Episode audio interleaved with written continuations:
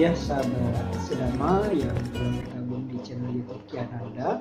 Nah, uh, terima kasih karena saya telah diberi kesempatan untuk berbagi di sini dan saya adalah Maja Putra. Uh, saya akan membagikan dalam yang singkat tapi memang dapat berguna dalam kehidupan kita sehari-hari yaitu tentang empat jenis manusia atau empat jenis makhluk yang ada di dunia ini. Ya, Uh, ini saya ambil dari sebuah suta di Samyutta Nikaya 3.21 namanya Pugala Suta. Jadi di suta ini Sang Buddha sendiri mengkisahkan uh, menyatakan ya ada empat jenis orang yang ada di dunia ini. Empat jenis orang ini bisa saja salah satunya adalah diri kita, gitu. Bisa juga memang eh, orang-orang uh, yang ada di sekitar kita, gitu. Apa sih empat jenis orang ini? Yang pertama adalah seseorang itu yang memang masa hidupnya gelap lalu mengarah lagi menuju ke kehidupan yang gelap juga. Kedua, kedua adalah orang yang memang e, dari arah kehidupan yang gelap menuju ke arah kehidupan yang lebih baik, yang terang. Ketiga adalah orang yang mengarah dari kehidupan yang terang menuju ke kehidupan yang gelap. Dan yang keempat adalah seseorang yang mengarah dari terang menuju ke terang lagi. Kita akan bahas satu persatu. Nah, apa sih yang dimaksud dari gelap menuju gelap itu? Maksudnya seperti ini. Ketika seseorang terlahir di keluarga yang rendah gitu ya. Misalkan dia nasibnya menjadi tukang kebun, pekerja, kuli kasar, uh, pokoknya yang pekerjaan-pekerjaan yang memang usahanya perlu keras hasilnya tidak seberapa. Atau mungkin dia terlahir di keluarga-keluarga yang memang merupakan kaum buangan. Ya.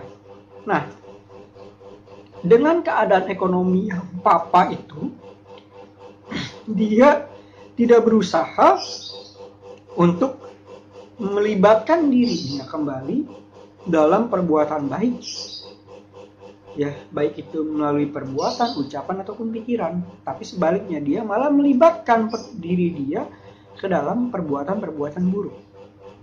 Hasilnya apa? Karena di dunia ini ada hukum karma, maka sebagai akibatnya ia akan mengalami perbuatan yang buruk hasil perbuatan buruk itu di kehidupan mendatang dan dia akan terlahir kembali di alam rendah atau di alam dengan kondisi yang menyakitkan yang menderita.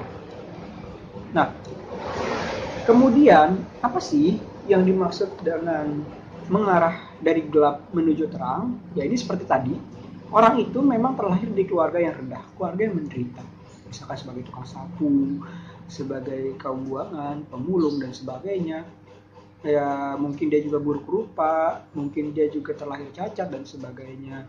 Nah, tapi dia dalam kehidupan ini memanfaatkan dia memanfaatkan kesiapan dia, kondisi dia dengan apa adanya untuk melakukan perbuatan baik lewat perbuatan, ucapan, dan pikiran.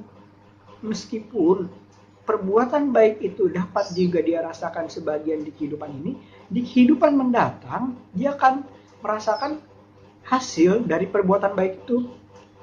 Dia akan terlahir ke alam baik, di alam surga, dengan uh, kenikmatan surgawi ataupun terlahir kembali sebagai manusia dengan keadaan yang lebih baik lagi gitu. Nah, kemudian ada loh yang mengarah dari terang ke gelap. Maksudnya gimana? Kalau terang ke gelap itu dia hidupannya sudah enak. Misalkan sebagai manusia terlahir di keluarga yang kaya, berpendidikan cukup, kemudian juga berwawasan baik dan dia juga tidak kekurangan makanan sandang pangan papan. Tapi dia tidak melibatkan diri dia dalam perbuatan baik. Baik itu melalui perbuatan ucapan atau pikiran tetapi sebaliknya dia melakukan perbuatan buruk. Karena di dunia ini ada hukum karma ada hukum perbuatan sebagai akibat dari perbuatan dia, dia akan terlahir kembali ke alam yang menderita. Ataupun di masa mendatang dia akan mengalami yang namanya kondisi-kondisi buruk yang tidak menyenangkan. Misalkan dia terlahir kembali dengan keadaan keluarga miskin dan sebagainya. Nah, ke kemudian ada lagi yang kita sebut dari terang mengarah ke terang.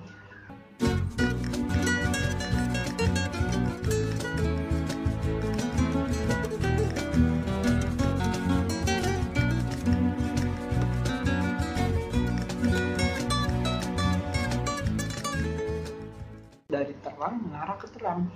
Ya, maksudnya gimana? Ya di kehidupan ini dia sudah cukup, sudah enak gitu loh ya. Sudah berkecukupan, bisa menikmati kekayaan, tetapi dia sendiri malah melibatkan diri dia lebih jauh kepada perbuatan-perbuatan baik, yaitu lewat perbuatan, ucapan, dan pikiran dia.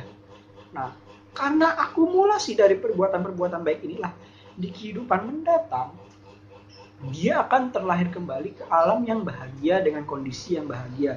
Misalkan ke alam surga kah? Ataupun sebagai manusia dia terlahir kembali dengan kondisi yang kaya raya ataupun berkecukupan. Nah, sebenarnya uh, goal atau tujuan dari agama Buddha sendiri bukanlah uh, mencapai alam kehidupan yang bahagia, gitu ya. Itu hanya goal sementara tapi goal pada intinya adalah mencapai kondisi terbebas dari lingkaran kelahiran samsara. Maka dari itu, sebenarnya kita tetap membutuhkan jasa-jasa perbuatan baik. Tapi kita tidak boleh menutup diri. Kita harus dengan jasa kebajikan ini harus kita berusaha untuk melakukan praktek-praktek dhamma yang lebih jauh. Misalkan semoga dengan praktek dhamma saya saya bisa berkesempatan memasuki kehidupan sebagai samana gitu Nah, dengan kita menjalani kehidupan sebagai pertapa, sebagai samana, kita uh, memiliki kesempatan lebih untuk memotong itu namanya lingkaran samsara, lingkaran kelahiran kembali. Nah, yo kalau kita nggak berkata seperti ini, nggak usah idealis lah. Ya, mau ini bana susah gitu loh. Misalkan ada yang berkata seperti itu, ya udah nggak apa-apa. Minimal gini, meskipun saya tidak dapat mencapai sotamana, saya tidak dapat mencapai bana tapi saya bisa mencapai panah dulu. Nah, semoga dengan perbuatan baik saya dan semoga dengan usaha saya, saya bisa mempraktikkan dhamma dan dengan praktik dhamma tersebut saya bisa ter, uh, menjadi seorang sotapana dan bisa menyelesaikan tugas saya sehingga maksimal tujuh kali lagi dari kelahiran ini bisa terlahir mencapai nibbana dan bebas dari penderitaan untuk selama lamanya. Nah, karena tujuan kita untuk mengakhiri penderitaan, maka kita juga harus mulai mengakhiri penderitaan dari diri kita sendiri. Caranya seperti apa? Ya caranya adalah dengan tidak melakukan perbuatan yang tidak bermanfaat dan kita menambahkan perbuatan-perbuatan yang bermanfaat serta mensucikan pikiran kita sendiri. Nah itulah inti ajaran agama Buddha di Dhammapada 183. Jadi sebenarnya Sang Buddha mengatakan itu adalah ini loh jalan hidup kamu tuh simpel, cuma tiga, nggak usah banyak berbuat, tidak berbuat jahat, banyak berbuat baik sucikan pikiran wes kelar gitu loh. Itu cuman ya jalannya cuma tiga itu sebenarnya. Jadi jalan yang diajarkan oleh sang Buddha tidak muluk-muluk hanya simpel itu saja tiga. Cara pengamalannya adalah lewat jalan mulia berusaha delapan ya, pandangan benar pikiran benar ucapan benar perbuatan benar kehidupan benar daya upaya benar eh, penyadaran benar dan samadhi yang benar. Hanya itu saja sangat simpel kalau kita mau menjadi orang yang dari gelap menuju terang, misalkan dengan keadaan kita yang papa melarat saat ini, kita mau menjadi terang di kehidupan mendatang ataupun di, di masa depan, ataupun kita mau menjadi, ya saat ini sudah terang, mau kembali mau menjadi lebih terang lagi, caranya sangat simpel. Jalankan ajaran Buddha dengan baik, yaitu jangan berbuat jahat, banyak berbuat baik, sucikan hati dan pikiran. Demikian itu saja yang dapat saya bagikan pada kesempatan kali ini. Ah, semoga damai yang saya bagikan dapat bermanfaat bagi kita semua. Terima kasih salam damai dari saya, Satyaku nama budaya. thank